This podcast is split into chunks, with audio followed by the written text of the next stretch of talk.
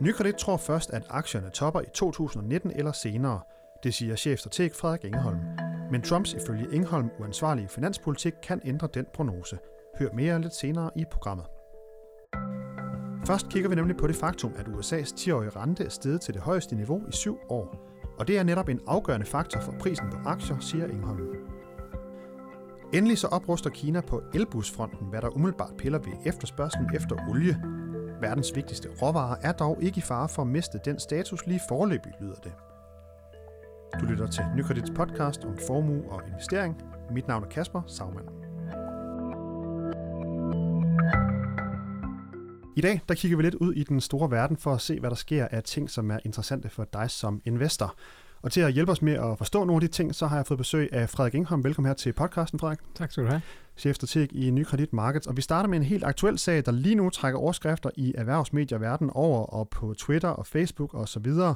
og det er, at den amerikanske 10-årige rente, statsobligationen, den har krydset 3% og øh, nu ligger på det højeste niveau i syv år. Og det er altså noget, der skaber lidt øh, støj i aktiemarkedet, skrev du på, på Twitter, Frederik Engholm. Prøv først lige at forklare os, hvorfor er det her så interessant? Amerikanske renter og i det hele taget lange renter, altså 10-årige renter eller noget i, i deromkring, er, er, er afgørende for rigtig mange ting i økonomien. Amerikanerne har den største økonomi i verden, og derfor er deres rente særlig vigtig for stort set alle aktiver i hele verden. Og vi har ligget med meget lave renter i meget lang tid. Det gør vi stadigvæk, i, i, hvis man ser det i et lidt, lidt længere perspektiv. Øhm, men, men når så vi begynder at, at, at kravle opad, så, så melder sig der så noget af den frygt, der har været ret længe, at, at, at rigtig mange andre markeder har tilpasset sig en situation, hvor de lange renter har været lave. Når vi så kravler opad, og der bliver 3% sådan en, en, et fint rundt tal at krydse, vi har ligget i 2,1 eller andet rigtig længere svinget rundt der. Vi har ikke været over 3 i lang tid. Øhm, så det, det bliver sådan en grænse, som så for mange bliver måske øh, vigtigere, end den egentlig er, fordi selvfølgelig betyder det ikke noget, om den hedder 2,98 eller 3,0 i sig selv. Øhm, men det er altså fordi højere renter udfordrer prisfastsættelsen på andre aktiver. Det, er, det har været med til, lave renter har været med til at skubbe aktiepriser højt op. Det har været med til at og selvfølgelig øh, øge appetitten på at købe bolig, som man kunne finansiere meget billigt. Øh, det har øget appetitten på alternative investeringer. Det har øget appetitten på at købe øh, erhvervsobligationer, som mange investorer har gjort. Og når renterne så stiger, så begynder noget af den appetit jo at vige lidt, fordi man så begynder igen at kunne købe nogle almindelige obligationer, almindelige statsobligationer til en lidt højere rente. Så, så der er en bekymring for, om hvor højt renten kommer op, og, og, når, den, og når den begynder at stige, om den så kan, kan, kan true de andre markeder i mere voldsomt omfang. Og øh, den du skriver på Twitter, som sagt, at der er noget, der støj i markedet. Hvad er det for en form for støj, vi ser lige nu? Jamen, vi, vi havde i virkeligheden en lille forsmag på, på eller øh, måske endda en, en lidt større forsmag på det samme, som det vi ser nu, at når renten kravler op og, og, og, og, og gør det over kort tid lidt hurtigt, så, så melder der sig en bekymring om, hvor langt skal vi op, og der melder sig en bekymring om prisfastsættelsen af andre markeder, og det er lidt det samme, vi ser. Det var lidt et større chok for markedet tilbage i, i februar måned, hvor vi altså fik nogle meget store fald på de amerikanske aktiemarkeder, som også på det tidspunkt var noget dyre prisfastsat. Øhm, og ikke desto mindre, så sker der lidt det samme igen. En hurtig rentestigning i USA øh, begynder, efter vi krydser de 3%, som er lidt en, en magisk grænse for nogen, at skabe, skabe fald i amerikanske aktiemarkeder, og de bliver afsmittet i de europæiske aktiemarkeder efterfølgende.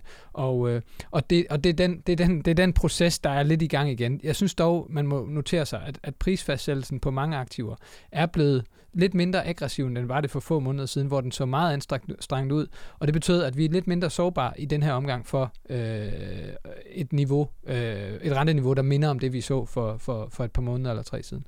Men hvor, hvor afgørende vil du sige, at den her 10-årige amerikanske rente er for, for prisfastsættelsen af aktier sådan i, i USA eller globalt? Den er, er, det, meget, er, det, er det det mest afgørende? Den er meget afgørende, men der er jo, der, man kan sige, prisfastsættelsen historisk har, har, af, har, har været afhængig af nogle forskellige ting, hvor optimistisk man er på fremtiden, hvor, hvor meget har man lyst til at betale for øh, en selskabs indtjening i dag. Det afhænger også af, hvor mange år tror man, at de kan blive ved med at, at, at øge deres indtjening fremover. Nu kan man sige, at den her stigning i renterne, den kommer som, som et eller andet resultat af, at den amerikanske centralbank er begyndt at lige så stille at stramme pengepolitikken, at der er forskellige tegn på, at vi er i den senere del af en amerikansk cyklus. Det betyder også, at der ikke er så lang tid til næste recession. Så ideen om, at, at indtjeningen bare skal blive ved at, ved at stige de næste mange år, øh, den er også lidt udfordret af, at, at, at vi normalt er, når vi er i den fase, hvor centralbanken begynder at hæve renten, specielt den amerikanske, så går der typisk ikke så mange år, før de får hævet for meget, og vi så ser den næste nedtur.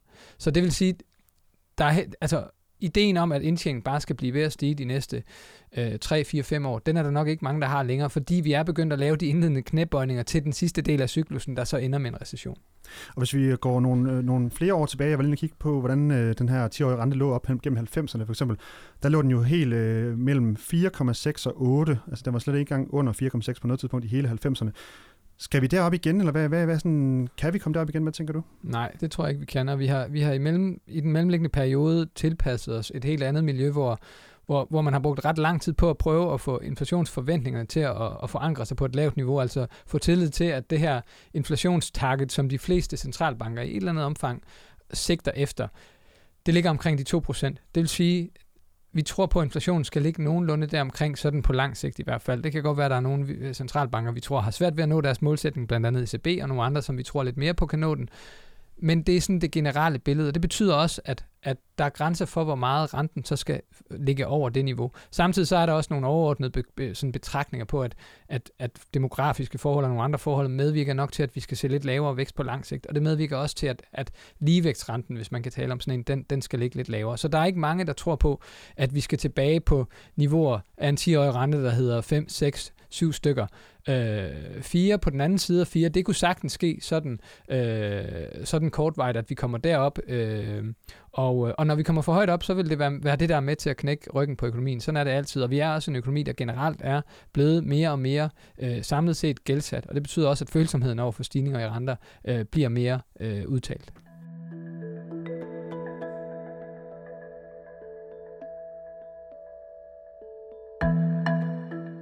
Vi øh, zoomer lidt ud og ser lidt mere på aktier i sådan et øh, globalt perspektiv, og det gør vi med afsæt i en historie, som Dagbladet Børsen havde i fredags. Overskriften den lød, øh, store investorer tror aktiefest varer indtil 2019, og øh, den historie den bygger på en rundspørg blandt en række af verdens største investorer, der blandt andet bliver spurgt, hvornår de tror, at aktierne har toppet for den her gang. Og øh, her tror 18 procent, at de har toppet, 40 procent venter, at toppen kommer i anden halvdel af i år, og 39 procent tror, at det ikke sker før i 2019 eller senere. Og øhm, Frederik, øh, at aktierne først skulle toppe i 19 eller senere, er, øh, er I enige i det i nykredit? Ja, det vil også være mit bud. Øh, men jeg vil også sige, at der selvfølgelig altid er stor usikkerhed om den del, og den usikkerhed, jeg, jeg har skrevet både klummer om det, og jeg tror også, vi har diskuteret det her tidligere. Den usikkerhed er forværret af, at at man i USA med Trump øh, ved roret fører en finanspolitik, der for mig at se er uansvarlig. Man skubber simpelthen for meget på væksten på et tidspunkt, hvor, hvor økonomien ikke har brug for det. Det betyder, at man kan risikere, at økonomien løber løbsk meget hurtigt, og dermed øh, øh, at man får for meget pres på, man får for lav arbejdsløshed i virkeligheden, hvis man kan tænke sig det, det giver for meget pres på, på, på økonomien, for meget inflation, som, som centralbanken er nødt til at reagere på, og det gør den ved at trække på, tryk på bremsen, hæve renterne. Og det kan altså i virkeligheden stoppe festen lidt tidligere end det. Jeg tror først, den udvikling kommer i 2019. Men, men en, ræng, en lang række af verdens sådan øh, store investorer, de tror altså, at aktiemarkedet har allerede har toppet her i 18. Nu er det jo ikke øh, dit synspunkt som sådan, men hvad, hvad tror du, der kan være, øh, hvad tror du, der kan få dem til at sige det, hvis du skulle give et bud på det? Jamen, jeg tror, at mange deler øh, en overordnet bekymring om den rentediskussion, vi havde før, at, at, at, det, at, man, øh, det, at man har fået en rente, der, der begynder at kravle opad, det gør, at man måske ikke kommer tilbage til den prisfastsættelse af aktier, man har haft. Det behøves man heller ikke, fordi prisfastsættelsen jo består jo både af en pris og noget indtjening. Så hvis indtjeningen vokser nok, så kan det være, at vi godt kan, kan opleve stigende aktiekurser, samtidig med, at prisfastsættelsen lige så stille daler. De to ting i virkeligheden går i hver sin retning, så man stadigvæk får noget, noget, noget afkast, men ikke får et fulde øh, udbytte af den stigende indtjening, der er i selskabet, simpelthen fordi prisfastsættelsen samtidig tilpasser sig nedad. Men, men, men man kan sige, den, den historie kunne godt være så voldsom, at man sagde, at prisfastsættelsen skal tilpasse sig endnu mere, end indtjeningen vokser. Og så får man simpelthen, at, øh, at, at man ikke engang får positiv afkast på aktier. Det kunne så være, at man allerede havde set toppen i januar, øh, hvor, hvor vi altså øh, stod lige inden den her nedtur, vi så i, i, i februar, da renterne begyndte at stige.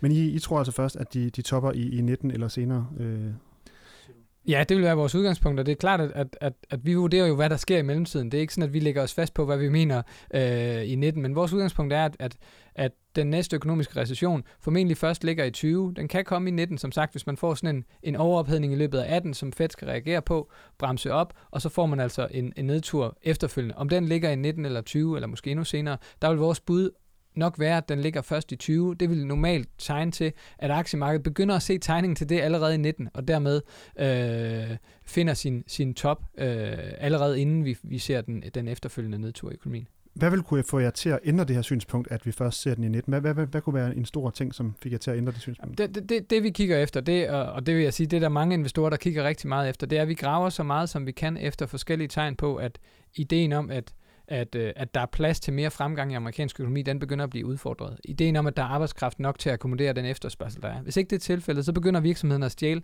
arbejdskraften fra hinanden, stjæle i anførselstegn, og det gør de ved at overbyde hinanden lønmæssigt. Så vi, så vi vil se det i nogle forskellige tegn på, at virksomhederne melder, at det er svært og svært for arbejdskraft. De melder, at de er nødt til at give folk højere og højere lønninger for at holde fast i dem, eller tiltrække dem andre steder. Det vil være signalet til den amerikanske centralbank om, at den er nødt til at træde noget hårdere på bremsen. Og det vil det, der kunne sende renterne op meget hurtigt. Kombinationen af de signaler vil allerede få de lange renter, altså 10-årige renter, til at stige, det ville også være et signal til centralbanken i USA, om den skulle, den skulle hæve renterne øh, hurtigere. Så både inflation og rentestigninger for Fed ville på én gang trække op i de 10-årige renter, og det kunne udfordre prisfastsættelsen af, af aktiemarkedet og, og, og i det hele taget stemningen blandt mange finansielle aktiver. Og øh, den her analyse, som børsen skriver, den viser også, at investorerne, på trods af, at de først tror, at øh, de øh, topper senere, mange af dem i hvert fald, på trods af, at de først tror det, så er der rigtig mange af dem, der har reduceret i deres aktiebeholdninger, solgt ud simpelthen. Og øh, ja, i marts, der havde de 41 procent af deres øh, midler placeret i aktier, og nu er det tallet ned på 29 procent øh, som er det laveste niveau i 18 måneder. Hvad, hvad, hvad tænker du? Det kan du godt umiddelbart lyde paradoxalt, Man tror først, at aktierne topper om et halvt år eller hvad, men vi skynder os at sælge ud. Hvad, hvad kan det skyldes? Ja, men i det hele taget, så er der hele tiden sådan en balance mellem, hvor meget har man lyst til at være eksponeret mod et marked, som, som, som øh, giver nogle store udsving, og som kan på et hvert tidspunkt stå over for et eller andet chok, der sender det ned. Øhm, og i nogle perioder vurderer vi som andre, at, at, at, at der er særlig grund til at være eksponeret. Det vil sige, at vi ligger egentlig med en vægt i aktier, der er tungere end den, vi har tænkt os at ligge med i gennemsnit. Det er, når vi er overvægtige. Hvad, det snakker hvad, vi nogle gange om. Hvad er den, øh, den vægt, I har tænkt jer at ligge med i gennemsnit cirka? Ja, men nu, det kommer an på, hvor, hvor, hvor, hvor risikofølsom øh, man er. For de, for de forsigtige kunder kan det være, kan det være 20% For middelrisiko er det cirka 40% i aktier, og for høj risiko, der kan det jo være i virkeligheden alle pengene i aktier. Så, så, så, så så det afhænger lidt af, hvad man er for en type af investor, hvad man har det godt med. Men vi vurderer, vi finder sådan et, et, et, et, et niveau, som er det, vi skal svinge om på lang sigt. Så så er der perioder, hvor vi er særlig optimistiske, hvor vi synes, måske markedet er for pessimistisk, hvor vi synes, tegnene peger mere positiv retning, end, end markedet generelt gør. Så vil vi ligge med en lidt tungere vægt, fordi vi mener, der er noget ekstra at hente her. Vi synes, at vi vil blive overbetalt for den risiko, vi tager. Så er der andre perioder, hvor vi er mere bekymrede, hvor vi synes, at markedet er for optimistisk. Så ligger vi måske med en lavere vægt end undervægt. Og så er der perioder som nu, hvor vi også tidligere har ligget med en overvægt, som vi skal lære ned allerede i efteråret. Øhm, til neutral, og tænker, nej, der er ikke nogen grund til at eksponere sig ekstraordinært meget. Der er lidt, lidt afdæmpning i nøgletallene, vi synes øh, kan, give lidt, kan give lidt støj i markedet. Der er renterne, der lige nu stiger. Der er lidt diskussion om handelskrig. Der er forskellige elementer, der alle, alle sammen medvirker til. Der er lidt ekstra usikkerhed. Vi synes ikke, man, det kan svare sig og, og, og ligge med en ekstra høj øh, vægt, selvom vi egentlig først tror, at, øh, at toppen kommer senere. Så kan der være andre perioder. Det kan være om tre måneder, vi ser lidt lysere på tingene. Økonomien har måske fundet et nyt leje at accelerere igen, og, og så vil vi så givetvis, det, det kan vi ikke love på forhånd, men givetvis igen øge vores eksponering, lægge overvægtet aktier i en periode, indtil vi synes, der er nye ting, der, der truer i horisonten. Sådan vil vi løbende justere det. Jeg tænker, det er det samme som den her gruppe af pensionskasser, øh, investeringsfonder og alt muligt forskelligt, øh, sådan aggregeret set giver udtryk for her. Hvor tit ændrer I egentlig sådan den her øh, overvægt-undervægt typisk i løbet af et år? Kan man sige det? Det, det er meget forskelligt. Vi, øh, vi, øh, vi, vi ændrede vægten i starten af 2017, og så, øh, så ændrede vi den igen i sommeren, og så ændrede vi den igen i efteråret, og, øh, og øh, aktievægten, og har ikke ændret den siden. Så det sidste knap halve års tid har vi, har vi ligget stille, og den næste ændring vil jeg tro, fordi vi tror, at aktieopturen som sådan fortsætter, tror vi bliver, bliver, øh, bliver opad igen. Øhm, men som sagt, vi, vi, vi lover ingenting. Vi kigger på de tegn, der er, når vi får de rette tegn. Vi kan heller ikke sige, om det er om tre måneder eller om en måned. Det kommer an på, hvad for nogle, hvad for nogle signaler vi får. Øhm, så eksponerer vi os øh, efter det.